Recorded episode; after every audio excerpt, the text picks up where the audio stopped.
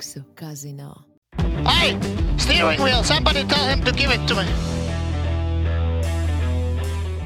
Jaudio podkāsts ir tava lieta, un arī viens LV podkāsts epizodi pēc katra posma tev ir nedaudz par īsu.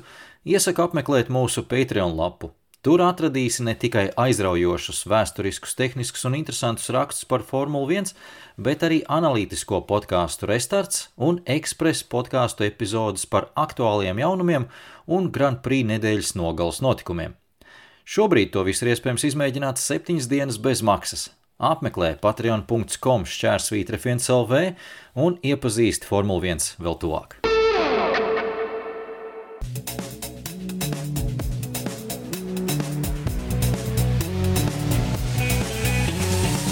F1 LV podkāsts. Tieši tā, Latvijā ir brīvdiena, pirmdiena, jo vakar vēsturiska diena Latvijas hokeja. Es domāju, ka ne tikai hokeja, visai nācijai pilnīgi noteikti. Mums arī, protams, atskaņas diezgan pamatīgas šajā podkāstā. Tie, kas skatījās jau ievadu šim podkāstam YouTube kanālā, Falštartā, zina un dzirdēja, ko mēs ar Jānu par to visu domājam. Noteikti mēs neiztiksim bez hokeja pieminēšanas arī tiešraidē, bet kopumā tomēr centīsimies runāt par Formuli 1 un par Monako lielās balvas izcīņu. Sveiks, Jāni! Čau visiem! Sveicināti hokeja podkāstā! apsveicu, apsveicu. Visus no sirds apsveicu. Vienkārši fantastiski. Jā, nu tad jau, tad jau, ja tu par hokeju sāki runāt, tad uh, pastāsti vēlreiz, kāds tev plāns ir, ko tu darīsi uzreiz pēc podkāstu. Varbūt... Es laižu uz brīvības pieminekli. Momentāli. Mēs šeit beidzam, es lēcu uz mocīti. Es zinu, ka noparkoties tur nebūs iespējams, tāpēc es šodien paņēmu moci. Es laižu ar mocīti tur kaut kur tūmā, atradīšu, kur noparkoties, un es eju uz turieni. Nav variantu. Kad nākamā reize vēl tāda iespēja? un aicinu visus pārējos arī to darīt. Ja, ja, jau, ja jau tomēr ir tā brīvdiena, nu, kāda tur, tur diskusijas par to, par to brīvdienu, bet to es tomēr mēs netērēsim tepat laiku. Ir un viss, ejam, laižam, nosvinam, čaļi pelnījuši, mēs arī pelnījuši, laižam un, kā saka, un atbalstam. Jo es neatceros nevienu reizi, kad vēl būtu bijis tik liela vilkuma aizlaist nu, uz tādu pasākumu. Tā kā, tā kā laižam. Jā, mēs Attiecībā par eh, sporta panākumiem latviešiem es tā nu pat aizdomājos. Ļoti bieži runājam par to, ka nu, mēs esam ļoti maza nācija kopumā, un ja mēs kaut ko panākam un izcīnām pasaules līmenī, tad tas vairāk saistīts ar ar uh, mūsu raksturu, kā latviešu kā tādu, kas, kas uh, var kaut ko tādu paveikt. Nu, tad iedomājies, ka tur 25 džeki tādi visi uh, cieti kā krams savākušies. Un, kuriem izrauj zobu bez anestezijas, tur, tur laukuma malā, un viņš atlec atpakaļ. Es redzēju, kaut kur mēmī, kā tev patīk teikt, mēmī, kur, kur latvieši nāk pēc, pēc savainojumiem, gluži kā mūmijas sasiet atpakaļ laukumā un visas pārauga gabalos. Tā kā, ir, jā. tā kā jā, nu patīkami. Mēs, protams, visi kā skatītāji jūtamies arī baigi pastrādājuši vakardien, kā nu kurš sekoja līdzi, kā nu kurš skatījās, cik nu kuram tās eh, balsaites ir uh, nogurušas, cik nu kuram aknas tagad ir pārstrādājušās. Uh, lai nu kā šorīt ir grūti Un tāpēc mēs tā mierīgi, varbūt kā augstu aliņu uzliesim uz tā visa stāstu par Formuli 1. À, nē, es atkal otrādi. Es, es otrādi. Mēs nedrīkstam. Mēs Aldi nedrīkstam. Mēs pagājušā podkāstā bijām miegaini. Mēs nedrīkstam. Tā jau būs kā tradīcija. Mums ir jāsaņemās, mums ir jānodragā. Es šodien esmu enerģijas pilns un es esmu gatavs. Tā izskatās, runāt. jā. Laižam. Tas nozīmē, ka tu neesi Indijā 500 vakar skaties. Atcīm. Nē, nē, esmu. Jā. Nē, es savus spēkus sadalu. Man tas vecums, kad man jau jārēķina. Labi, mēs eh, runāsim arī par Indiju 500 pavisam eh, īsu brīdiņu noteikti, bet sāksim tomēr ar Monako lielās balss izcīņu. Tie, kas eh, vispirms es gribētu sākt ar Darbas karoti. Es arī redzēju, ka ir pamatīga kritika par to, ka vispār notiek Monako sacīksts. Arī tam man ir kas sakāms. Un ir tādi, kas, protams, spļaudās briesmīgi par to, ka sacīksts ārkārtīgi galēcīgi bezjēdzīgi. Es domāju, ka viņiem visiem vajadzētu beigt mocīt sevi un darīt lietas, kas viņiem kas viņus iedvesmo. Jā, Un neskatīties formulu vispār, un netērēt Jā. savu laiku un, un, un aizvērt uh, savu uh, barības vācelīti.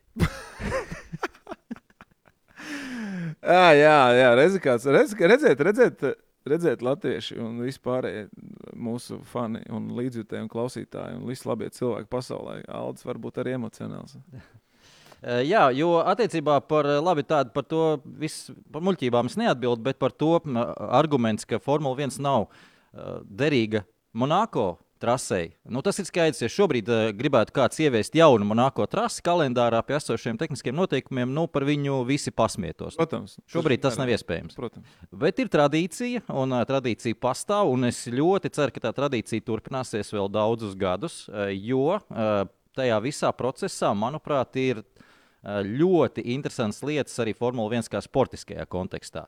Uh, Pirmkārt, labi, eh, daudz lietas varbūt paslīd garām cilvēkiem, bet pirmkārt, eh, treniņu braucieni, kādi tie ir Monako, nav nekur citur. Pilnīgi noteikti. Neviens nestrādā uz uh, sacīkšu režīmu.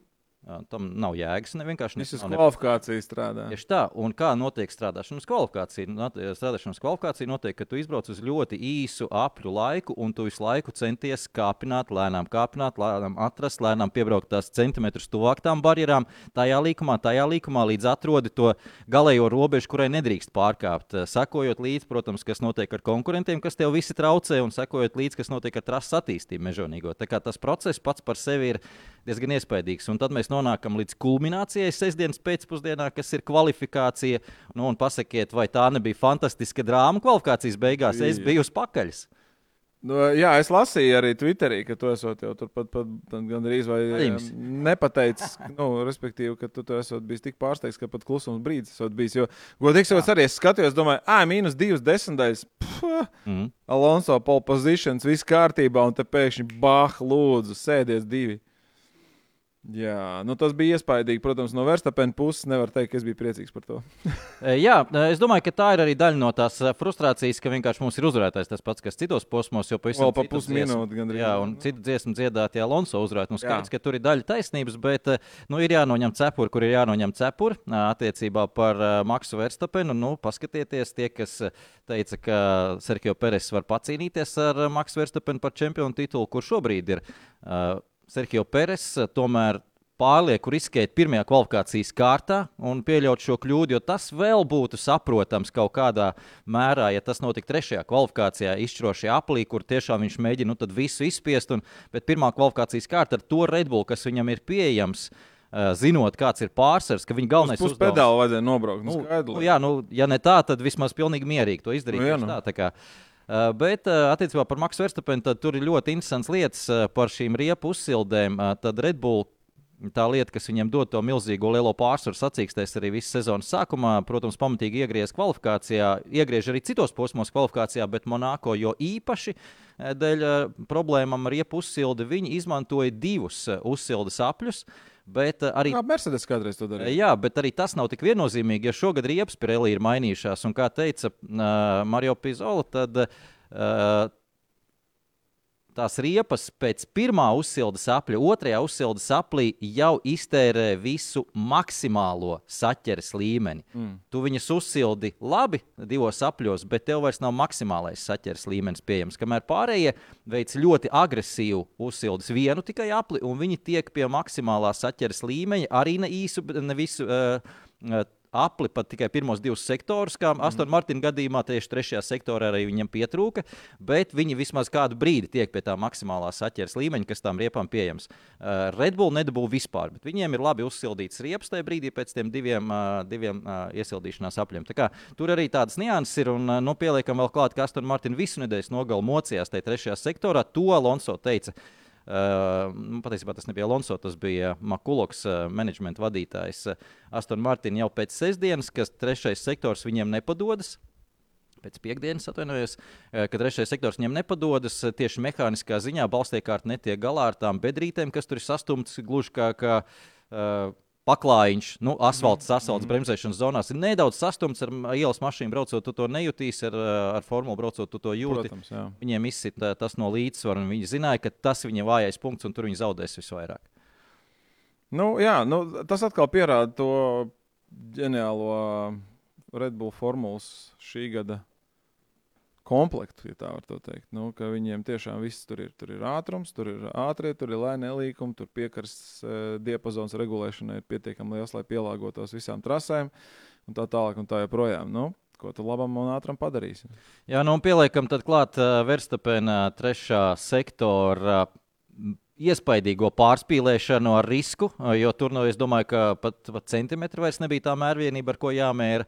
Uh, tur viņš noglaudīja izjā no swimming poola, absolūti iztaisnoja trajektoriju, kur es kaut kur redzēju, bija 3 km/h lielāks ātrums. Un, un ņemot vērā, ka tas ir ļoti salīdzinoši, nu, tas 3 km/h uz, uz garo taisni varbūt liekas, nu, kas tas ir.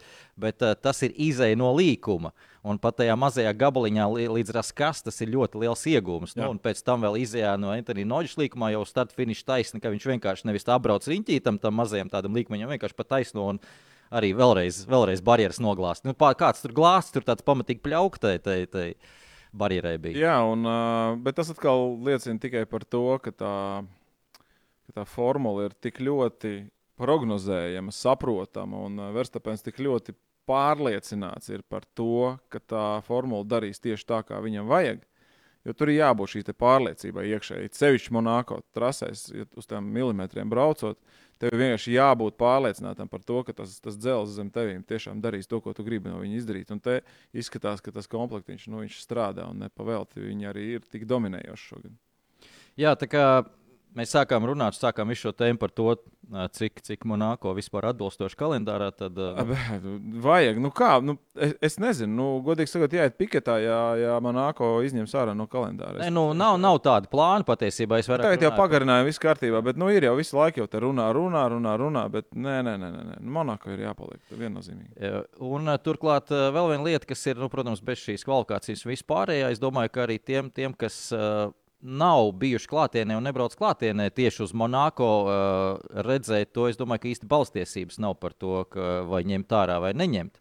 Jo aizbrauciet klātienē un paskatieties, jo, manuprāt, Monako ir labākā vieta, kur tiešām pa īstam novērtēt formulu ātrumus. Jā, jā, tas... Ja jūs skatāties Silverstonā, kur tribīnes ir uh, 100 metri no trases un nav īsti atskaites punkti, uh, Tad šeit jūs sēžat 15, 20 metrus no formulām, dažos gadījumos pat tuvāk. Jā. Jūs redzat blakus barjeras, tādas statiskas priekšmetus, eh, kuriem tad cauri tur pa vidu traucās formulas. Un pat nestoties to, ka ir krietni lēnāka ātruma, protams, kā Silverstonā, tur jūs redzat to krasu atšķirību, ko viņi var izdarīt ļoti šaurās ielās. Pieliekam vēl klāt, kāda arī skaņa, par kuru daudz sūdzējās, tagad jau viņi ir diezgan normālā līmenī un diezgan patīkam baudām. Tad Monako tā skaņa kļūst vēl Eh, tāda vibrējošāka un iet caur diafragmu, jo viņa vienkārši atbalsojās no sienām, no, no pilsētas sienām, kas arī tradicionāli tā ir. Tā kā, tur tā skaņa arī ir pavisam savādāk, citādāk. Un, kā, aizbrauciet uz turieni un tad pasakiet, ka jāņem ārā no kalendāra Monako. Jā, jā nu, tieši tā. Nu, starp citu, bija internetā kaut kur bija datora vizualizācija uztaisīta, kur um, Formula 1 brauc pa Monako nepārbūvēto trasi. Un tā kā uh, pa to trasi, bet tad, kad ir ikdienā, kad tur ir saparkots mašīnas un puķpodi, un, bet brauc tādā pašā tempā cauri tam visam. Nu, paskatieties, jūs sapratīsiet, kā tas viss izskatās. Diezgan elīgi. Jā, mēs iesim tālāk. Es domāju, ka vēl varētu pirms sacīkstes pieķeršanās nedaudz, nedaudz parunāt par tiem incidentiem, kas notika līdz tam. Proti arī par Luisa Hamiltona incidentu trešajā treniņā. Mirabola līkumā ieslīdēja par iemesliem tur tā, bet es nezinu, vai tu skaties vai nē, bet tas, cik ilgi karināja gaisā un cik augstu pacēla gaisā Luisa Hamiltona formulu, Mercedes formulu ar jauniem uzlabojumiem, visiem ar jauno grīdu. Kā es rakstīju Twitterī, tur līdz Francijai varēja redzēt to grīdu jā, visās detaļās. Kā... Gan Redbulliņa arī pacēla augšā. Ne tik augstu, ne tik augstu. Jā, un tās bildes nebija tik labas kā Mercedesam. Jā. Nu, šajā ziņā, protams, mēs jau varam pasmieties un pasmaidīt. Šajā ziņā es domāju, ka diezgan pamatīgā stresā tomēr bija inženieri, jo tā ir tā lieta, ko ļoti slēpja. Arī varēja redzēt, ka Luis Hamiltons līdz pēdējiem mēģināja izkārpīties ārā no tām barjerām atpakaļgaitā un nepieļaut, ka viņš izstājas un kaut kā aizvilkties atpakaļ uz boxiem. Un ilgi tur nervozi, nervozi skatījās, kā, ko tad darīs ar to viņa formulu. Tā kā ieraudzīja, ka pacēla augšā, tad vienkārši aizgriezās un aizgāja. Aizgāja, tur šausmas ir pilnīgākās. Eh, Tas, ka komandas nolīgst eh, fotogrāfus.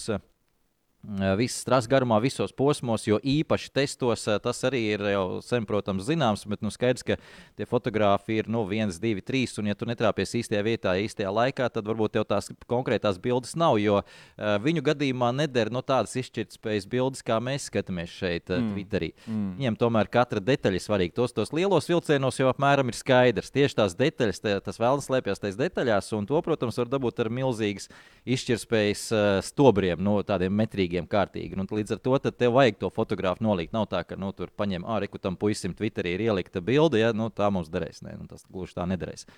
Jā, un tie, kas tur safočēja un paspēja, kas varbūt nav komandu, tie varēja noteikti Tie varēja pārdot. pārdot tās bildes diezgan Es, fēni. es pazīstu uh, vienu franču fotogrāfu, uh, ik pa brīdim arī ar viņu sazinos. Un, uh, ne par šo posmu, gan konkrēti, bet viņš teica, ka viņš esot nopārdevis. Viņš arī neteica, kurai komandai, bet viņš esot nopārdevis. Viņš nestrādā šādā amplitūdā konkrēti, bet esot uh, ticis pie ļoti labas uh, fotografijas. Un uh, tad viņš vienkārši sazinās ar konkrētiem cilvēkiem un izliek pārdošanā vairāk solīšanā. Apmēram, nu, cik tu man piedāvās par šo bildi, man ir tas un tas, Okay. un vai tev tas interesē. Un, eh, jā, nu, tā, tur tā summa par vienu uh, fotografiju, ja tiešām komandai tas ir ļoti vajadzīgs, eh, kā viņš teica, viņš negribēja pateikt konkrētu summu, bet kā viņš teica, viņam atmaksā eh, došanos uz to posmu pilnībā. Okay. Kā apmēram rēķiniet paši. Nu, Jā, tas ir mīnus. jā. Ja tu trāpi pareizā vietā, pareizā laikā. jā. Nu, jā, tāds tas darbiņš. Jā. Labi, uh, ejam pie paša sacīksts. Uh, kā tu domā, kurā mirklī tā sacīksts tika uzvarēta?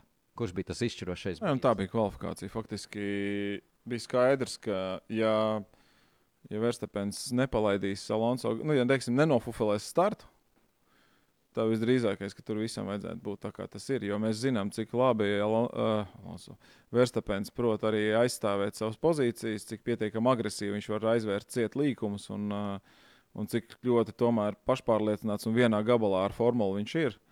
Un arī treniņos viņš bija ātrs. Un, uh, nu, nekas neliecināja patiesībā, ka kāds varētu. Nu, mēs ticējām, ka varbūt uh, Alonso būs tuvāk. Nu, patiesībā Alonso arī būtu bijis tuvāk, ja viņam nebūtu šis viens liekais pitstops. Un, uh, viņš varbūt būtu bijis tuvāk nekā citās trasēs. Ja? Bet Tas, nu, jo arī kvalifikācija parādīja, tur bija tūkstošdaļas starpā. Ja? Nu, mazās simtdaļas. Un, uh, nu, jā, bet, uh, nu, līdz ar to faktiski es gaidīju startu.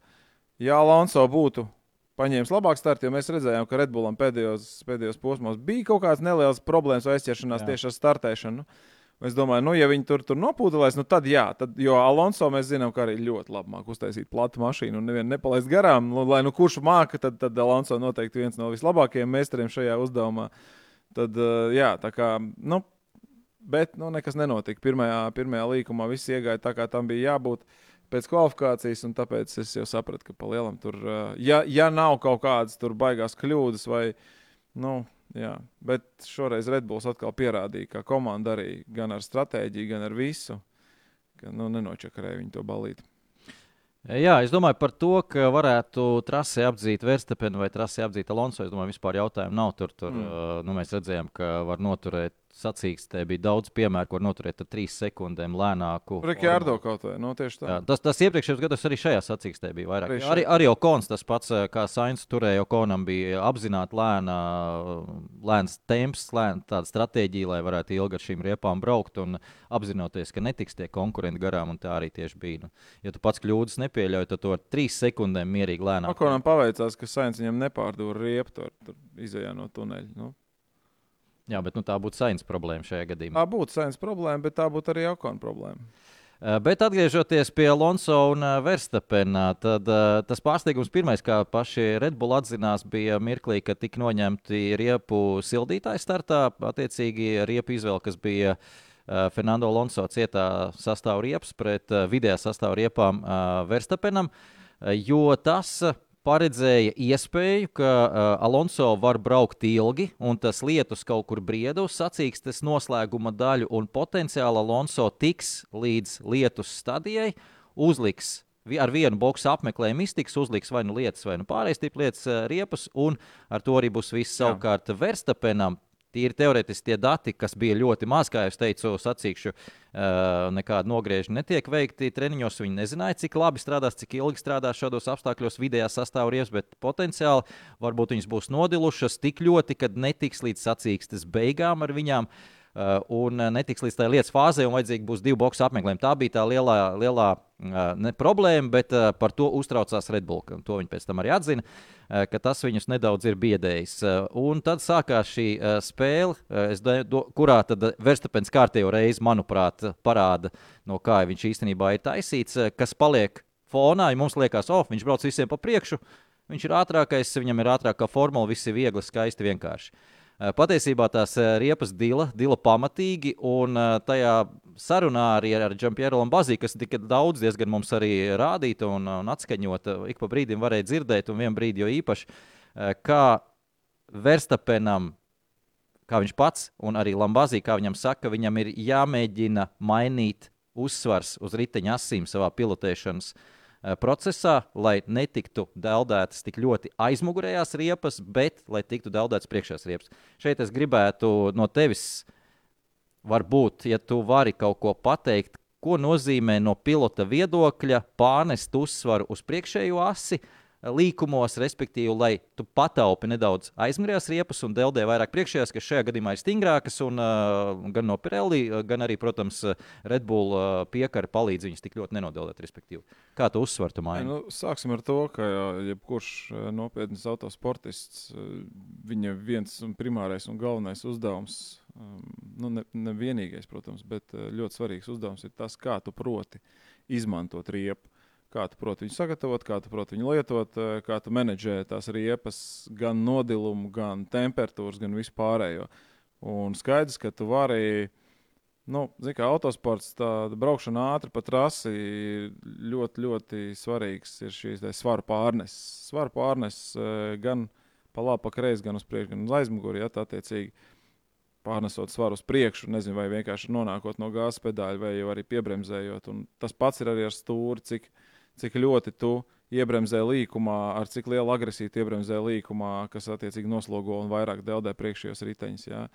Uh, formulā, protams, ir savādāk. Man vairāk liel, lielāka pieredze ir ar priekšpiedziņu braukt, tad tur, tur tās aizmugurējas riepas faktiski vispār nekad nedilst, izņemot tad, ja tu nu, baigi, baigi zvetē agresīvi tā, ka tev tā aizmugurē šļūkā, lai tu varētu norotēt mašīnu, ja tev ceļš, ja tu cīnies ar understīru. Līdz ar to nu, pa aizmugurējiem riteņiem, nu, aizmugurējās piedziņas formulā, tad tur skaidrs, ka uh, tas nozīmē, ka viņam vairāk ir jāiebremzē līkumā, varbūt agresīvāk to rotāciju jādabū, lai pēc iespējas taisnāk ir izēja, lai izējā no līkuma abas divas aizmugurējās riepas ir nu, ma maksimāli vienādā saķerē, kas nozīmē, ka viņas nu, sadala to pātrinājumu no līkuma ārā vienādi. Nevis, piemēram, iekšējā tur viņš vairāk grib griezties. Vai, nu, tas pats arī līkumos, visos kaut kādos ātrijos, ja nu, kāds tās slodzes un uh, kurā brīdī pie kādiem G nu, pārslodzēm tu ej uz to. Uz to gāzes pedāli virsū, vai kad viņi atlaid, nu, tādā veidā menedžēt. Jo nu, faktiski pilots viņš brauc, viņš, viņš, nu, viņš jūt, viņš, viņš tā kā sēž tā kā uz asfalta pats. Nu, viņam tā, tā, tās, tās riepas viņam pievienotas pie viņa ķermeņa. Un tad tu, tu vienkārši jūti jau līkumā ejot, vai, tu jūti, uz kuru riepu tev ir lielāka šī slodze, un tad ar savām manipulācijām, vai tas ir ar pedāļiem vai ar stūri, tu vari jau to slodzi noņemt no tām riepām, nost no vienas vai no otras, vai no trešās, vai no ceturtās. Nu, tu pie tā strādā visu laiku, ar to svaru pārnes ar visu, ko tu dari pie stūres. Un tādā veidā tu menedžē, jo, nu, teiksim, atkarīgs ir, nu, arī Monako, ja tad ir pa pulksteņu virzienu, tas nozīmē, ka kreisās, kreisās puses riepas dils vairāk, Tāpat kā biķernieki mums arī pa pulksteni, nu, tad līdz ar to vienmēr priekšējai kreisai riepai ir tā lielākā slodze. Un, uh, jo visas tās agresīvās bremzēšanas, iestūrēšanas un, un tā tālāk, viss notiek uz to kreiso priekšējo stūri. Nu, tā attiecīgi tā, arī strādā ar to svaru pārnesu un visu, nu, tu menedžē tās riepas. Nu. Tur, tur ir daudz tādas mazas nianses, kas, kas ir jāņem vērā, bet tas, tas nav nekas sarežģīts cilvēkam, kas to dara, nu, kas, kas zina, ko viņš dara. Tā kā es domāju, ka te arī var diezgan labi izsveicināta Maks eh, Verstapens kvalitāte. Tur vēl ir, jā. tur vēl ir atvaino. Eh, tur vēl ir, eh, protams, formulā ir tik daudz to regulēšanas iespēju. Ja? Tur diferenciāls, mm. motoru programmas, vispārējais, ko tu visu tur pārslēdz. Bremzēšanas balans jau uz priekšu, uz aizmuguri, attiecīgi arī kas, kurās tev vairāk bremzē, vai tu vari viņu tur dabūt tajā līkumā iekšā, varbūt vairāk uzliekot uz priekšu un tā tālāk. Nu, tā kā tur jau. Jā, nu, kvalifikācijā vienā aplī viņš parādīja temps, sacīkstē temps nebija vajadzīgs un nebija svarīgākais, un to varēja uzskatām, starp citu, arī pamanīt tajā brīdī, kad Sergio Peres tika iesaukts boksos pašā sākumā ar domu, ka viņš varētu ar šo vienu boksu apmeklējumu braukt līdz pašām beigām cerēt uz varbūt kaut kādā brīdī uz kaut kādu drošības mašīnu, varbūt aizķerties aiz kāda punkta. Jo tad viņam bija brīva trase priekšā, un viņš brauca, man te ir pierakstīts kaut kur. Viņš brauca principā divas sekundes aplī ātrāk nekā Verstapens. Verstapenam bija uh, minūte 18, uh, Peresam bija minūte 16, tur ar astīt kaut kādu. Tā kā tas patiesais temps, un neba viņš arī spied visu ārā. Tas Pilnīgi skaidrs, ka Verstapens nebrauc pilnā ātrumā tajā brīdī. Viņam tas nebija vajadzīgs, bet viņam bija tajā pašā laikā Jānis izstāstīja garo stāstu, kas jāizdara kā uzdevums, jākontrolē uh, visu riepu nodilumu, un tai pašā laikā tomēr jā, jādabūt tas temps tāds, lai uzaudzētu nelielu pārsvaru pār Fernando Alonso gadījumā, ja tomēr notiek tas, ko, no kā baidījās Red Bull, ka būs tā saucamais overcut šajā gadījumā no Lonso puses, ka viņš brauks ilgāk un, respektīvi, nu, vismaz tām 7, 8, 9 sekundēm bija jābūt tai rezervītei, lai, lai viena apli ietvaros nevar to visu izdarīt. Nu, tā rezerve bija, kontrolēja sacīkst arī, un beigās izrādījās, ka tās riepas, starp citu, tika noņemts, nomontēts sausā laika slika riepas no Alonso cietās un no attiecīgi Verstapena vidējās. Vismaz vizuāli tā kondīcija labāka bija Verstapena riepām nekā Alonso riepām, kurš bija vairāk viņas nodeva, kurš gan, protams, arī bija attiecīgi strādājis tā kā uz maksimumu robežu, ko nu viņš spēja izcelt, to viņš arī eh, cēlā ārā pie tā templa, ka, lai tiktu līdz galam. Nu, šajā gadījumā es teiktu, ka Verstapens savu darbu izdarīja godam. Nē, nu, redzi, vēl jāņem vērā to, ka tur arī tās vizualizācijas, viss, kas bija ielikts, tur bija um, salīdzinošais tas um, apli laiks kvalifikācijās starp Alonso un Verstapenu. Varēja redzēt, ka uh, arī ne, lēnajā Monako trasē eh, ātrie, ātrās taisnes Redbullam ir ātrākas. Tas savukārt nozīmē to, ka, lai Alonso varētu turēties tajā tempā, viņam vairāk ir eh, jādeldē riepas līkumos, jo uz taisnes jau tā riepa nedilst palielināt. Ja viņi padilst bišķiņu izējā, ja tu tur pārspolē vai kaut ko tādu, ja, bet faktiski jau pa taisni braucot, viņi tā nedilst, kā viņi dilst līkumos. Uh, Nu, un, attiecīgi, tāpēc viņš arī varēja savilkt. Es gan nedomāju, ka viņš tik ilgi izturēs, jo Pirelli jau bija paredzējis, ka tur ap 30 to kaut kādu apli tur tas uh, mīdījums ir jāmaina nost, jā, bet viņš nobrauc 50. Pirelli, Pirelli. Viņš aizbrauc līdz 50, kuram tur 54. 55. vai kuram tur aplim, vai pat ilgāk vēl viņš tur aizbrauc. Jā, nu. Pirelli, jā, ik pa brīdim gribās viņus nedaudz pakritizēt, tomēr šogad. Uh, nedaudz ņemot vērā, ka mums ir vienu, vienu pitstopu sacīksts, pilnīgi visas bijušas joprojām. Tas, tas nav normāli. Tas nav normāli. To Pirelli zina, viņi pie tā strādā. Tā kā pagaidām mēs labi, pieturēsim savu kritiku, bet pagaidīsim, ko izdarīs Pirelli. Bet tagad nonākuši esam, es domāju, līdz tam punktam, kur mums ir apmēram jāapskatās uz Alonso un Astonu Martinu rīcību pašā beigās uz šiem diviem boxu apmeklējumiem, respektīvi, kā būtu, ja būtu, un vai tas bija tas mirklis, kur atvadījās pilnīgi no cerībām uh, Astonu Martinu un Alonso izcīnīt uzvaru. Kāda tev bija sajūta skatoties to brīdi? Kāda tev bija? Vai tev bija pārsteigums pirms, teiksim, tā, kad viņi uzlika uh, sliku riepas? Man bija, jā. Man bija pārsteigums, jo man liekas, ka viņiem vajadzēja, zinot to, ka tas mitrums jau nāca lejā, nu, bija, man, man, man likās, ka vajadzēja tomēr pavilkt ilgāk, druskuļi, tomēr, un tad saprast, cik tur, kas tad tur ar to lietu būs. Jo, nu, it sevišķi zinot, ka tev bija plāns vēl pat uh, sliku slikt virsū. Jā, nu, Es nezinu, nu, kaut kā šoreiz, nu, Astonas Martins šogad mums nav devis baigi daudz uh, variantu, tur viņus tur zākāt par uh, stratēģiju. Tāpēc es, eh, tas varbūt dubultā tāda vilšanās bija par to. Bet, jebkurā gadījumā, pat ja nu, labā ziņa ir tā, ka Astonas Martins un Alonso nepazaudē šo otro vietu, Jā. tad, tad cepuri no viņiem jebkurā gadījumā. Bet, uh, objektīvi skatoties, pat ja viņi būtu izdarījuši visu pareizi, tāpat jau viņi nebūtu vinējuši. Līdz ar to nu, tas tāds. Nu, Tajā brīdī, kad es skatījos to tiešraidē, man ļoti līdzīgi, tieši tāpat kā tev faktiski bija reakcija pēc tam, kad to visu stāstīja Alonso, to visu stāstīja Maiks Kreks.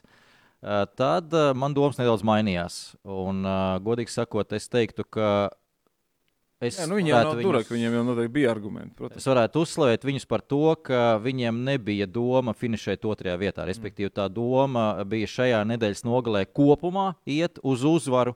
Tas bija tas galvenais mērķis. Līdz ar to otrā vieta nebija tik svarīgi. Lai gan tas bija labākais sezonas panākums, un šeit, manuprāt, Jā. ir tas lielākais kompliments Aston Martin komandai. Iedomājies, viņi sezonas sākumā sāk gūt uzvaras, ir absolūtās, eh, sāk gūt trešās vietas piedestāls, eh, absolūtā sajūsmā, un Jā. viņi jau 6. un 7. posmā viņi iet uz uzvaru ar, eh, ar visiem. Riskē. Riskē ar, jā, ar visiem, visiem pieejamiem mērķiem, variantiem un ko, ko vēl nedara, lai izcīnītu uzvaru. Un tu redzēji, kāda bija reakcija pēc otrās vietas boxos. Visi viens otru apsveic, bet nu, tas bija tā, ka nu, jā, darba diena beigusies. Apmēram tādā. Mēs gājām uz pirmo. Jā. Tā Kā, un līdz ar to, ja mēs izējām no, tāda, no tādas versijas, tad es teiktu, ka nav nemaz tik slikti, ka viņi izmēģināja to. Jo vienīgā problēma, vienīgā kļūda tajā visā bija, ko teica arī Maiks Raks, ka šoreiz kļūdījās meteorologi. Jo mums bija informācija, ka lietus pārstās ātrāk. Un ka tā trase, nu, līdz ar to viņi izsacināja, ka trase žūs. Un, un tas, kā Alonso būs spējīgs tos pāris apļus, kamēr tā trase žūst, noturēties ar tiem slikiem, kas būtu tātad jauni sliki, mm. līdz ar to turētu bišķiņu labāk, viņi arī turētu to temperatūru labāk, ka tas varētu nostrādāt. Bet tā kā tas lietas turpinājās, viņi faktiski, kā teica Maiks Kreks, apmēram 40 sekundes pēc tam, kad mēs uztaisījām pitstopu, Alonso vēl nebija ticis cauri otrajam sektoram, mēs sapratām, ka te nav varianti un ka ir jāmaina atpakaļ uz interiem, un, un ka tā ir bijusi kļūda. Bet tā otra lieta bija tāda, ka viņi gājuši apzināto risku nevis tā, ka mēs uzvaram vai paliekam pēdējie. Bet uzvaram vai paliekam otrajā, jebkurā gadījumā. Jā. Jo viņiem bija tik milzīgs pārsvars pār trešo vietu, pār Okonu, kurš bija Jā. ļoti visus sabremzējis savā aizmugurē, ka viņi varēja atļauties šādi riskēt. jā, viennozīmīgi. Jā, jā. Kā tajā ziņā viņi Nē, nav pārmetumu, nav. Pārmetumu nav vispār nekādu. Tas bija dīvains lēmums tajā brīdī, bet tā kā arī tu tagad izstāsti, jebkurā gadījumā viņi nezaudēja. Tieši tā. Viņi nezaudēja, viņi gāja uz pirmo, tur tikai var cepurnos. Nu, un attiecībā par to, vai būtu Alonso ticis garām Verstapenam, ja būtu uzlicis pirmais, jo, jo Red Bull gaidīja, ko darīs Aston Martin šajā gadījumā. Ja būtu uzlicis pirmais inters, zaļās riepas, tad pārējais tiplietas riepas, tad šeit tādas viennozīmīgas atbildes nav, taču ir pilnīgi skaidrs, ka Alonso vismaz pē, spriežot pēc tiem apļu laikiem, kuri jau bija uzlikuši interesi, ja mēs paņemam to tā kā pārliekumu uz Alonso.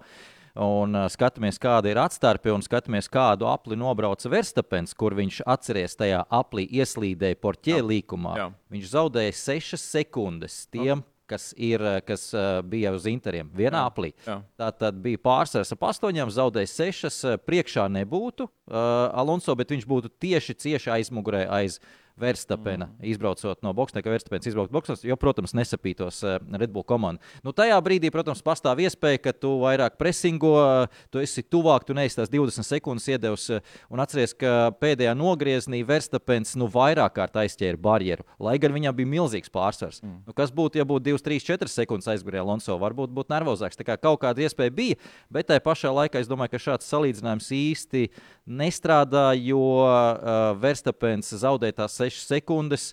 Apzinoties, ka viņš var braukt ļoti, ļoti, ļoti lēnu, jo aizmugurē neviena nav, neviens viņu, tā kā viņš būtu iespējams braukt arī savādākā tempā. Tas ir, jā, un vēl jāņem vērā to, ka ja ir uh, Monako un ir lietas, un uh, tev jābrauc ļoti tuvu pie barjerām, un tu neredzi, sekojot citai formulai līdzi. Tā kā tur nekas nebūtu pa lielam, man liekas, ka bijis arī nu, tā tuvā braukšana, tur tajās lietas apstākļos Monako arī tur nekas baigi nesanāk. Nu, jo vienkārši redzamība nav, saķeri mainās, pie tam trasē kaut kur līja, kaut kur nelīja, kaut kur žuva, kaut kur nē. Tad tunelī varēja no sākuma braukt ritīgi iekšā, pēc tam ievazāja tunelī iekšā ūdeni. Tad tur atkal nevarēja braukt. Nu, tas viss mainījās, un tas nu, apdzīšana tur tāpat nebūtu notikusi. Līdz ar to faktiski visdrīzākais jau ka ne. Jā, tā kā tās, tās man, manuprāt, tās divas galvenās lietas - Verstapena sniegums kvalifikācijā un sacīkstē, un savukārt Aston Martina iešana uz uzvaru.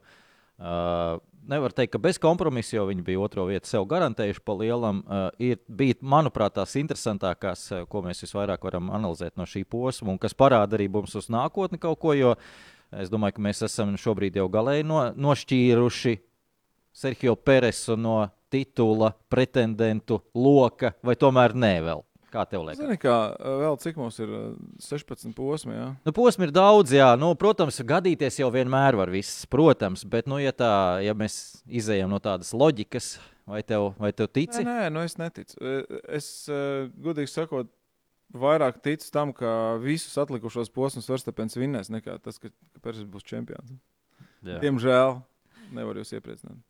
Jā, uh, vēl par pārējiem nedaudz jāparunā, kas nu uh, palicis atmiņā. Es, uh, es sākšu pirmais, un tad es te došu tev izvēlēties komandu, ko tu gribi vai nu uzslavēt, vai, vai nopelt, attiecīgi, kas tev iekrita acīs. Es, es pavisam ātri par Ferrari šoreiz, un ne to labāko, godīgi sakot. Uh, Eh, ļoti uh, pamatīgs deja vu man bija attiecībā par Ferrari par pagājušo gadu. Uh, un, uh, tā nav laba lieta, jo nu, tieši to Frederiks Vasūrs centās izskaust. Un pats trakākais ir tas, labi, viss pēc kārtas runājot, tad uh, tā stratēģija bija tāda ļoti bikla un ļoti. Uh, nu, viņi raustījās ārkārtīgi, un Sainz viņus lamāja, es teiktu, pa tēmu.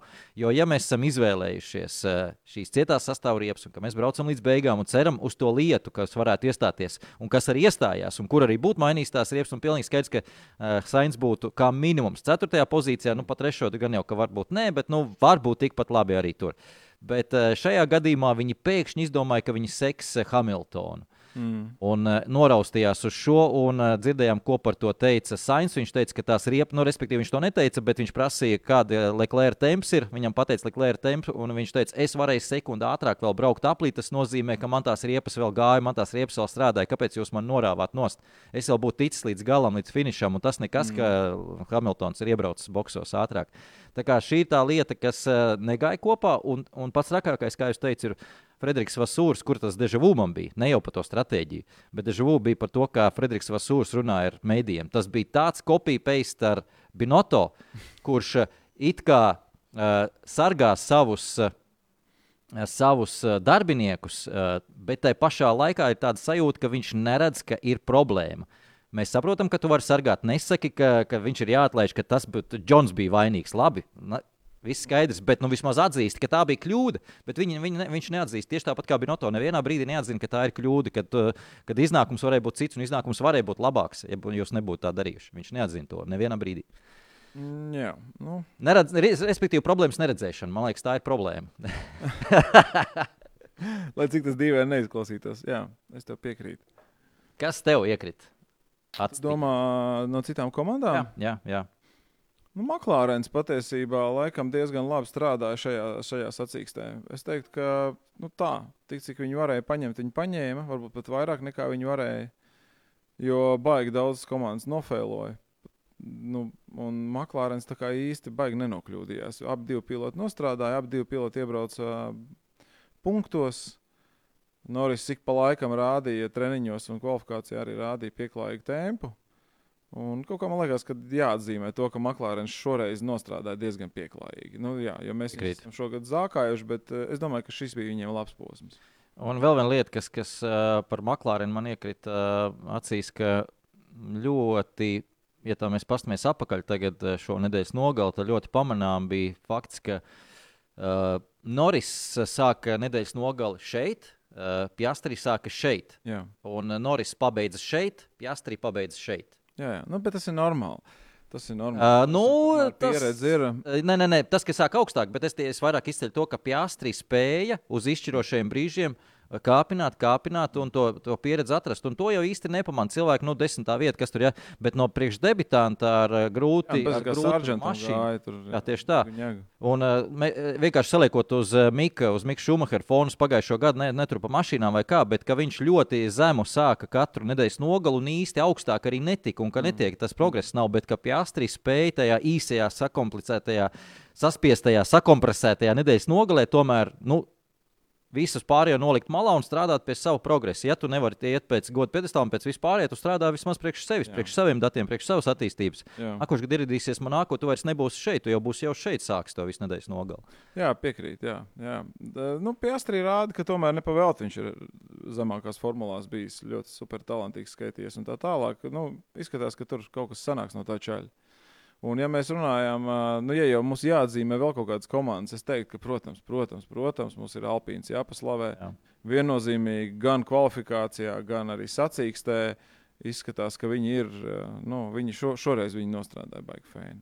Un, un tā Okona trešā vieta patiesībā nav sagadīšanās. Jā. Viņi tiešām bija ātri, viņi tiešām visu sakārtoja. Jā, viņiem paveicās, ka Leclerc bija trīs pozīcijas sots startā. Uh, Bet, Jā, nu, bet- Okons bija tajā vietā, lai to no tā Precīzi, iegūtu. precīzi. Tieši tā. Tieši tā. Tā kā Alpīna un uh, Maklārens viennozīmīgi, es teiktu, ka tās ir tādas komandas, kuras var ļoti apmierināts doties projām no uh, Monako posma. Jā, nu, protams, Redbulls arī vienā garažā. Jā, par, eh, par Alpīnu es eh, arī tev pilnībā piekrītu. Par Okonu bija atsevišķi, bet par Alpīnu runājot pavisam īsi. Tad atceries pirms pāris posmiem pamatīgi kritika no Lorenta Rosija. Un, uh, es domāju, ka tagad viņš var uh, apēst cepuri, kā saka latvieši. Ja, jo, neba, pr- protams, viņu, viņa šīs kritikas dēļ pēkšņi komanda sāk strādāt. Skaidrs, ka tā jā. formulā viens tas nenotiek. Eh, ka komandai, protams, ka bija kaut kāda, es negribētu teikt, krīze vai kaut kas tamlīdzīgs, bet eh, ne, tas potenciāls netika pārvērsts punktos. Tik, tik vienkārši to varētu droši vien noteikt, pateikt un noformulēt. Eh, Un šajā gadījumā gan iepriekšējais posms Miami, kur abi bija punktos stabilos, gan jau vēl, vēl vairāk šis posms, kur arī spēja tomēr to potenciālu aizvilkt līdz tiem punktiem un godu piedestālam, eh, nu, ir tas apliecinājums. Tā kā, jā, ar Alpīnu es teiktu, ka lielos vilcienos viss ir kārtībā, ir vienkārši jāizmanto tā sava iespēja un jātiek līdz tiem punktiem. Un, ja tas regulāri tiks izdarīts, tad, nu, tad būs arī viss, viss labi. Tā kā, Un par Okonu viena lieta, es neteiktu, ka viņš man ir mīļākais pilots. eh, Nu, īsti nē, bet eh, viena lieta, ko viņš māca, pilnīgi noteikti, ja es skatos atpakaļ uz tiem lieliem panākumiem, kas viņam bijuši, viņam Jā. ir bijuši arī vēl godu piedestāli un uzvaru gal galā, eh, viņš māca noturēt Jā. savu vietu, nepieļaujot kļūdu zem pamatīga spiediena. Jā. Eh, Ja viņš ir ticis labā pozīcijā, nu viņš kā franču buldogs, ja viņš ir ieķēries, tad viņš nelaidīs vaļā. Mm. Viņš tur brīnums neizdarīs nekādus, bet viņš nelaidīs vaļā un viņš dabūs to vietu. Savukārt, ja viņam būtu, teiksim, no desmitās pozīcijas jāizlaužās līdz trešajai, nu to viņš paveikt nevar. Jā. Tas, teiksim, ir viņa tāds, nu, viņš nepateiks brīnumu, bet tajā vietā, ka viņš nokļūs labā pozīcijā, viņš atvedīs mājās to. to, to Jā, nu es Okonu redzēju tiešraidē. Tie- Tiešajā Ungārijā, tā, kad es biju sacīks, kur viņš arī vinnēja un noturēja to Jā. savu pozīciju. Tā kā, jā, jā, jā uh, Okons tādā ziņā, tā ir viņa tā stiprā puse, tāpēc līdz ar to viņam faktiski vajadzētu uzlikt akcentu uz kvalifikāciju, lai viņš ir pēc iespējas augstāk, un tad viņš var to savu pozīciju noturēt, un rezultāts atnāks. Uh, par Mercedes pavisam īsi mums vēl pāris citas tēmas, ko mēs solījām parunāties. Es neesmu aizmirsis, uh, bet par Mercedes pavisam īsi. Mercedes atveduši uzlabojums. Ir. Kād, kāds tev iespējas pirmais ir? Nu, tā tīri no malas skatoties, kā tur izskatās ar tiem uzlabojumiem. Nav, nav man viedokļa. Būtu diezgan, man liekas, ka muļķīgi tagad kaut kādu viedokli arī paust par šo lietu, jo Monako pilnīgi noteikti nav tā trase, kurā mēs varētu redzēt kaut kādas labumus, uzlabojumos un vēl kaut ko. Nu, tas, tas tā būtu tāda baigta, tukša spekulācija par lietām. Uh, es gribu pagaidīt, es gribu pagaidīt, kas notiks tālāk. Uh, Rasels gan ir teicis, ka viņš tā baigi nekādas uzlabojumus nejūta sakarā ar to, ka viņiem beidzot ir caurumi normāli parādījušies sēnos formulē. Bet, uh, Bet es saku vēlreiz, Monako tas nav. Nu, Monako ir ārpus jebkuriem rāmjiem, jebkuriem. Nu, tur, tur pēc tā nevar neko spriest. Mm. Absolūti. Līdz ar to jāpagaida nākamais posms. Kas mums ir nākamais? Silverstone? Nē, kas mums, Nē, Nē mums ir uh, Spānija. Mums ir, jā. Uh, jā, un tur, tur jau mēs redzēsim. Arī īstā testu trasa starp. Ar rītīgā testa trase tur ir dažādi līkumi, tur ir gan ātri, gan lēni, gan viss. Tāpēc arī nepavēlti tā ir arī testa trase. Un um, paskatīsimies tur. Paskatīsimies. Es ļoti ceru, ka viss ir labi. Es, es ļoti ceru, ka viņi tomēr var to tempu dabūt. Jā, es, es visu nedēļas nogalēju šo, šo kladzinājumu. Man liekas, visiem jau apnicis ir, ka jā, Monako nebūs tā vieta. Jo paši Mercedes to teica. Galvenais, Viņam nepaveicās, ka Imula nebija. jā, jā, viņi tieši tā arī teica, ka galvenais uh, neiedziļināties datos šobrīd. Jo Monako izšķobīs tos datus. Uh, nevien, neviena komanda nebūvē formulu priekš Monako. Un Tāpat kā nebūvēja priekš Monces, tās, Jā. tās ir tās, tās skalas eh, dažādos galos, tās trases eh, vienmēr būvē kaut kur pa vidu. Visam pa vidu ir Silverstone vai, vai tā pati Barcelona. Barcelona. Jā, tieši tā. Tās ir tās tipiskās trases, kur lielākā daļa no kalendāra trases ir ļoti līdzīgas drīzāk šīm trasēm nekā Monako. Monako vienkārši pielāgojas, un kurš nu kā var pielāgoties, kaut kā mums jātiek caur tam posmam, mēs pielāgojamies. Līdz ar to tālējoši secinājumu nav. Bet eh, ko, ko teica Lūsis Hamiltons, nu tad es teiktu, pirmo reizi sezonā viņa komentārs bija. Ar pozitīvu pieskaņu viņš nelec no biksēm ārā. Pilnīgi noteikti viņš vispār tā nedara. Eh, Bet viņš teica, ka, jā, ka ir. Var jau izlikt no tām viņiem Ir. milzīgajām biksēm. Es domāju, ka no tām tieši viegli var izlikt tā kā no kartupeļu maisa. Arī būtu.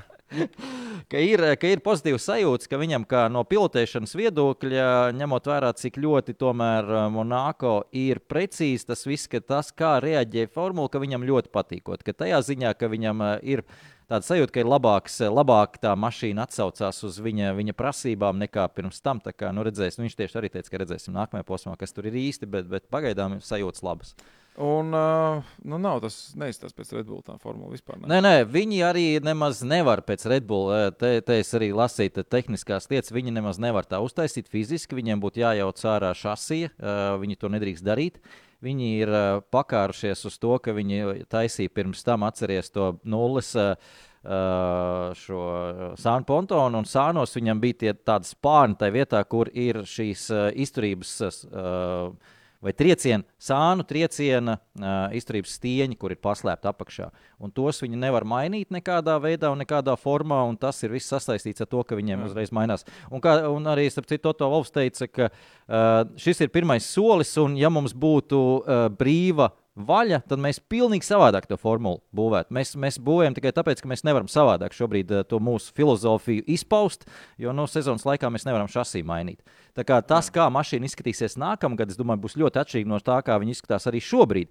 Bet viņiem tā situācija kaut kā līdzīga, Aston Martin bija pagājušā gada. Atcerieties, Aston Martin sāka ar vienu formulu, pagājušā gadā pilnīgi uh, bija pakaļā ar viņu, tur bija bēdīgi. Viņi nomainīja pilnībā visu konceptu, lēnām sāk, cik varēja sezonas vidū to izdarīt tieši tāpat kā tagad Mercedes uh, savāca lēnām datus sezonas laikā, un tad ar pilnīgi jaunu formulu, ar savāktiem datiem šo ziemu nāca klajā. Nu, apmēram tas, tas scenārijs ir arī Mercedes tāds gatavs, un tādam ir jābūt tam scenārijam, nu, cik viņi tālu tiks. Jo, jo ja Aston Martin sāk no pilnīgās pazemes, tur tu no pagraba. Jā. Nu, tad Mercedes tomēr no, no citām pozīcijām sāk Jā. to visu. Kā, nu, Jā. cerība tur ir, uz, bet tā ir runa par nākamo gadu. Kā, dargi, Nē, nu, tikai jau par nākamo gadu. Skaidra lieta, bet nu, to ir interesanti paskatīties. Jā, jo nav jau runa, ka Mercedes varētu tikt tur cīņā par godu piedestālu. Tas nav viņa mērķis. Viņa mērķis ir pārspēt Red Bull. Ar Red Bull nestāv uz vietas šobrīd. Red Bull iet uz Jā. priekšu, Red Bull turklāt sāk domāt par nākamā gada modeli. Viņi vēl pāris posmi, vēl pāris uzvaras Verstapenam. Un, uh, paņem kalkulātoru, sarēķina, ka visi pārējie vairs eh, nenoķers tevi un tu sāc pilnībā strādāt uz nākamo gadu. Jā, jā, tas, tas ir traki, un tas ir traki priekš pārējiem patiesībā. Jā. Tas ir nenormāli traki priekš pārējiem. Tas nozīmē, ka tas viss turpināsies. Jā, tas viss turpināsies, jo, uz, eh, jo panākumi veicina panākumus. Tā jā. formulā viens ir, eh, jo, kad tu nokļūst krīzē, krīze tikai veicina to, ka tu ej zemāk un zemāk pagrabā. Jā. Tas ir ar, ar Viljams, tas ir tik ļoti pierādījies kā ārprāts. Jā, piekrīt. Tā, pāris lietas vēl par Indiju 500 neskatījies svarīgākā, svarīgākā, varenākā un tā tālāk sacīks pasaulē, var virs 300 tūkstošiem skatītāju klātienē. Uh, kopš 2000. Nav jau tā, ka tajā gada. zemē tur trūkst cilvēku. Nu, jā, bet viņi vēl ir jādabū. Un Indijā nekad nav bijis pat pirmajā vietā motoru sporta notikums Amerikā. Kur nu vēl salīdzinot ar visiem Labi, bet Indija 500. Jā, bet Indija 500 viņi ir pamanījušies eh, šobrīd eh, uzskačāties atpakaļ. Sacīkstē uh, bija kaut kādas problēmas ar komentāriem sākumā, pēc tam komentāri parādījās angļu valodā. Šeit man arī daudz cilvēku rakstīja, un es pilnīgi piekrītu, ka arī man bija ļoti grūti skatīties bez komentāriem, jo tad tev ir ļoti pašam jāiedziļinās un jāsako līdzi. Man kā komentētājiem tas ir visu laiku jādara, bet es kā skatītājs gribu atlaisties un baudīt. Un tad, un tad es saprotu, kāpēc ir vajadzīgs komentētājs. Jo komentētājs tajā visā šitā te, kur iet pa ovālu, saliek akcentus, kam tev ir jāsako līdzi šobrīd. Jā. Kāpēc tev ir jāsako līdzi, ko dara Eriksons? Ka viņam bija savādāk boxa apmeklējuma stratēģija, ka viņam šobrīd sākas tās riepas dilti, ka viņam tā degviela iet uz beigām, tāpēc viņš ir ātrāks. Ka tagad aizmugurē tur ir Ņūgārdens eh, paslēpies aizvējā, jo viņš taupa degvielu. No, kā es kā skatītājs tā no malas to varu zināt? Es redzu, ka viņi visi riņķo un viss nekas nenotiek. Bet patiesībā tur visu laiku kaut kas notiek. Nu, trešais periods hokeja jau var sākās bez komentētājiem. À, nu, tā ir tāda ierasta. ierasta. Tā likās, kas notiek. Audiet paši. Saprast vispār, kas tur notiek. Baudiet paši. Jā, jā. Tā kā e, Indija 500 jā, bija, bija aizraujoši, jo pašā beigās arī sarkanie karogi rindā, jo tur sākās avārijas, sākās, un viens vien bija diezgan traka, kur riepa vienkārši tika norauta. Tas bija, nemaldos, uh, Uh, Rozenkvista, Rozenkvista formulē, kuras, starp citu, tika krāsot arī šajā nedēļas nogalē McLaren formula, tieši tāpat kā Lando Norrisam un Oskaram Piastrī.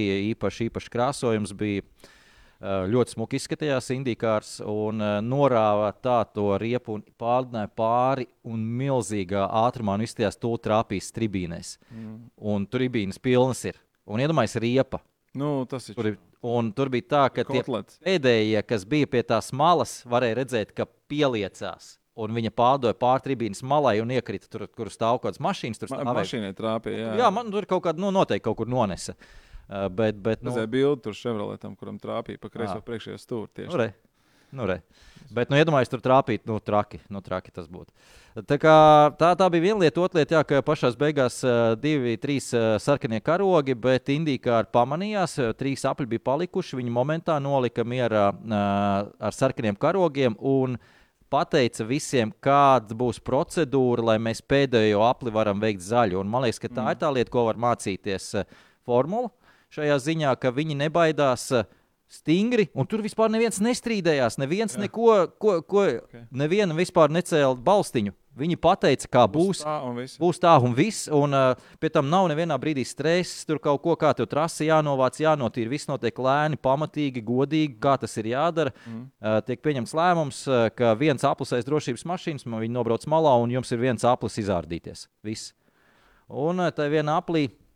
Es teiktu, ka es biju ļoti priecīgs. Markus Eriksons varēja izcīnīt otro Indiju 500 pēc kārtas, bet es biju ļoti priecīgs, ka to izdarīja Džozefs Ņūgārdens. Jo man liekas, ka nu, tas puisis, cik, cik es esmu sekojis Indijā, nu, tas puisis ir, manuprāt, nenovērtēts.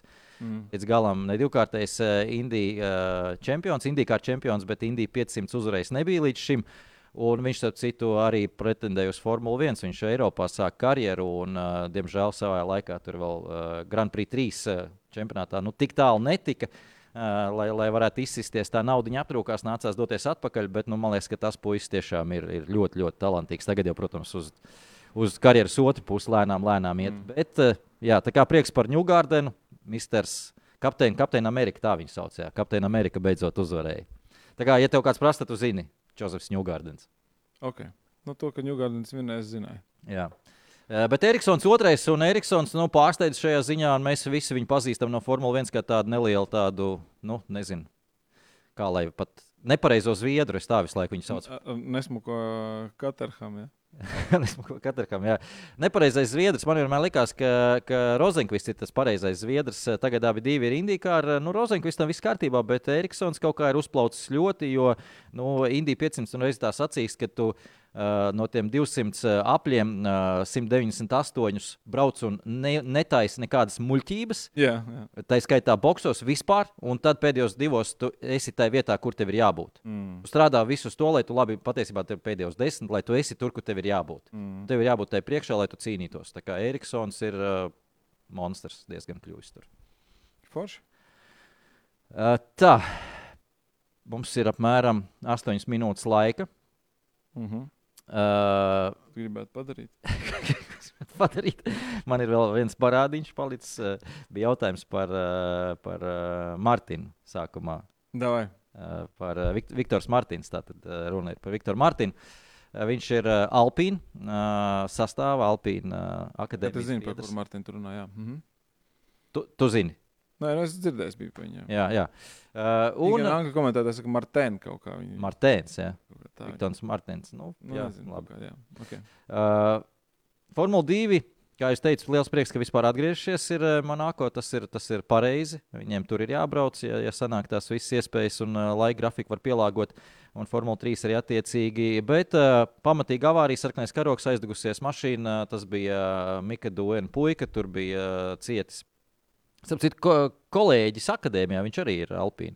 Mm. Un uh, sarkanie karogi, un tur jau ir maršala klāta, un viņš pilnā tempā pabrauc garām. Uh, maršalam ir vēl bildes, var pameklēt internetā, kur nu, ir šī tāds gabaliņš no maršala kājas. Nu, tā kā, kur, kurš dzēš, kurš to brīdi dzēš, kurš neskatās atpakaļ. Nu, tikpat labi viņš varēja pakāpties atpakaļ, un tur būtu un starp barjeru un viņu nebija tā, ka nu, un tiešām pilnā tempā.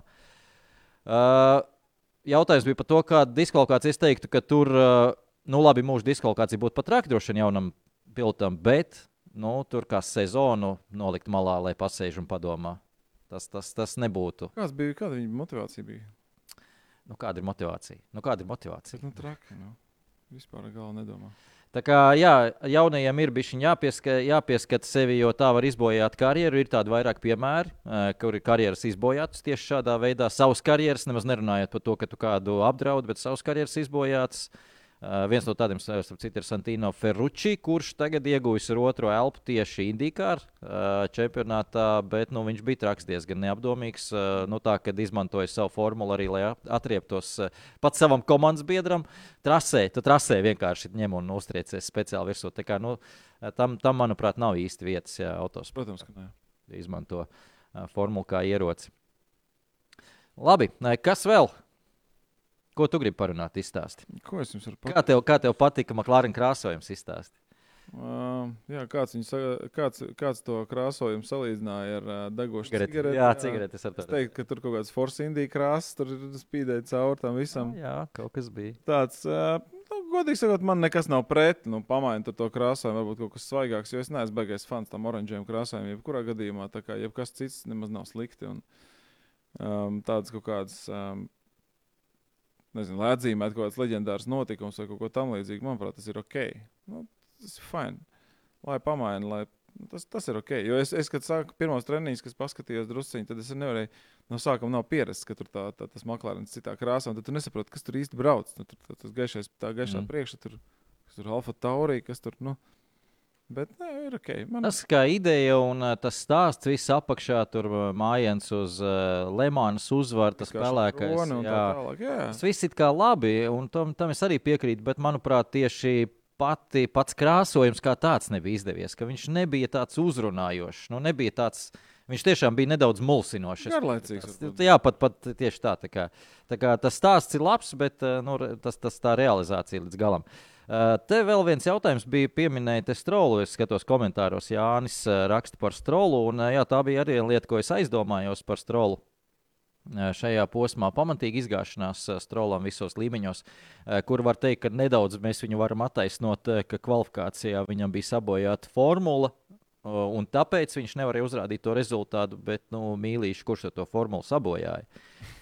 Uh, Galu galā nu, skaidrs, ka pēc tam ar sabojātu formulu grūti uzrādīt to apelē, kas ir nepieciešams. Bet es tajā sakarā to gribēju pacelt, ka kā, kā vispār Aston Martin attaisnos, labi, vēl šobrīd varbūt nē, bet turpmākajos gados.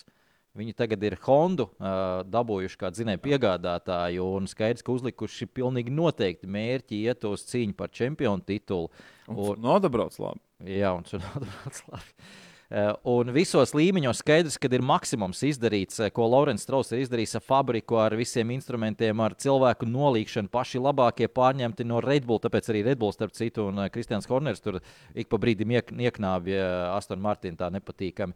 Bet uh, Dēliņš brauc, un Dēliņš nu, nebrauc tajā līmenī, kur viņam vajadzētu braukt. Labi, viņš nav tā, ka pilnīgi krīt ārā, bet nu, redzam, redzam, kur ir Alonso un kur ir un Tas nav viens posms, tas ir Nu, un te ir jautājums, uzreiz rodās, eh, kur būtu kopvērtējumā Aston Martins, ja brauktu divi stroli, jā? vai divi Alonso. Vai divi Alonso? Jo šobrīd, man liekas, bija viens punkts viņa priekšā. Es tagad nepaņēmu kopvērtējumus, bet vēl liekas, punkts, Mercedes Ir, viens punkts. Jā, man liekas, ka viens punkts. Līdz ar to nu, tas ir tas, kas trūkst šobrīd Aston Martin. Vēl viens labi, nevajag Alonso, bet vajag kas. kas uh, Nu, ir tuvu tam, jo te arī patiesībā, ja mēs tā sīkāk uz to paskatāmies, arī stratēģijas uh, Pamiet Vetelu apakaļ. jā, uz ratiņiem. Vetels bija Monako. Jā, jā Rosbergs arī bija, protams. Mī- Mīļojās ar, ar Hamiltonu. Tas bija ļoti mīļi. Tur jā, satikās abi. Un, Koments tur gāja vaļā. Jā, jā, tā kā sen neredzēts. Tā tikai saprot, ka viņš ir prom, tad tikai saprot, cik patiesībā viņš bija labs. Jā. Vai ne? Vai ne?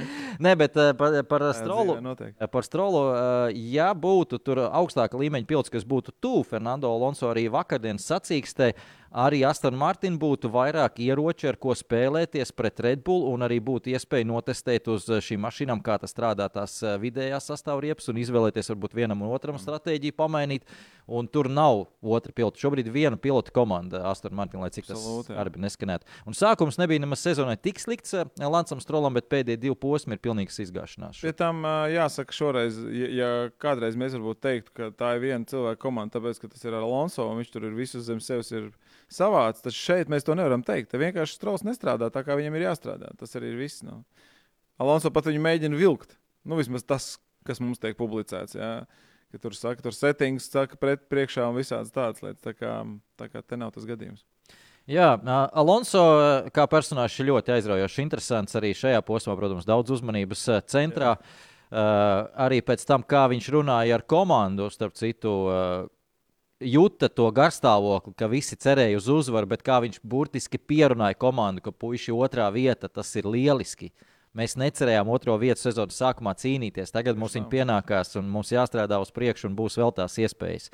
Nu, cerams, ka tās iespējas būs, jo šī Monako, manuprāt, bija viena no tām iespējām, kur uh, neskatoties uz to, vai sapinās meistarībā Red Bull, viens sapinās, otrs ne, uh, vai nesapinās Aston Martin, bija iespēja tīrā cīņā uzvarēt Jā. Red Bull. Vai tādas iespējas būs sezonas turpinājumā, par to ir uh, nu, nevis jāšaubās, bet grūti, grūti par to šobrīd spriest. Es, es neredzu tādas Bet iespējas. vispār grūti prognozēt, jebkura cita uzvara, ja ja tas nav Verstapens. Jā, bet attiecībā par sezonas beigām es nebūtu tik pesimistisks uz šo visu, jo uh, tomēr Red Bull ir sagrūduši sezonas sākumā visu ar domu, ka viņi laicīgi pāries uz nākamo gadu, pārslēgsies. Pārējās komandas šobrīd pilnīgi noteikti strādā pa pa spirāli uz augšu iet, un varbūt kaut kur sakrustosies sezonas otrajā pusē. Ja ne par čempionu titulu-. Jā, jā, jā, ļoti iespējams, ka tad vairs nekas neizšķirsies. Tur es piekrītu, bet tas nozīmē, ka iedomājieties, cik būs interesants sacīksts, ja Red Bulls būs noķerts un viss pārējās. Tātad Ferrari, uh, Mercedes un Aston Martin un Red Bull būs apmēram vienādā līmenī, un tas, tas būs krietni ciešāk. Tas Jā. varētu būt interesanti. Jā, jā piekrīt. Jā, nē, pēdējā lieta, kas eh, atvadoties, eh, ko teica Mārtiņš Brānlis, ar viņa vārdiem, es gribu atvadīties šoreiz Monako. Ja nu tie, kas vēl kritizē, arī tāds mājiens ar mietu, kas kritizē Monako, Monako ir tā trase, kas izceļ pilotu atšķirības. Mhm. Talanta atšķirības, visas pārējās spējas pielāgoties atšķirības, un vienmēr tieši Monako parādās tie labākā, pi- labākie piloti virsotnē. Ja nebūs tāds Monako, mums nebūs tik viegli pateikt, kurš ir labākais. Un es teiktu, ka eh, šis eh, vakardienas posms bija vēl viens pierādījums, ka mēs zinām, kas ir labākie. Sveiciens Alonso, sveiciens Verstapenam šajā sakarā visiem pārējiem. Kas... Hamiltonam. Sveiciens Hamiltonam, protams, arī visiem pārējiem. Labi, paldies, eh, paldies ka skatījāties. Patiesībā mēs būsim atpakaļ jau pēc eh, nedēļas. Yep. Jo uh, mums ir Spānijas lielās balvas izcīņa, uh, Sainz un Alonso māju posms, uh, un posms, kur tad Mercedes varēs pilnvērtīgi novērtēt arī savus uzlabojumus. Tagad tiekamies pēc nedēļas šai pašā vietā un laikā. Atā! Čau.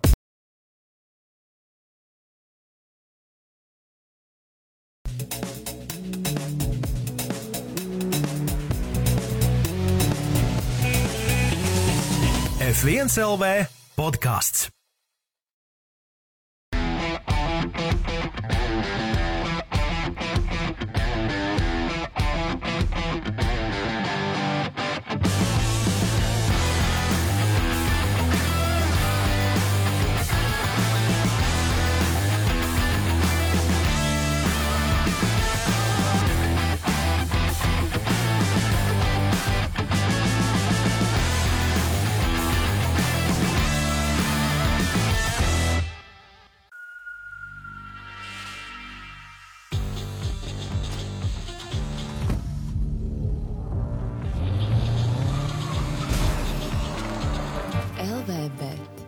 Ātrā izmaksu kazino.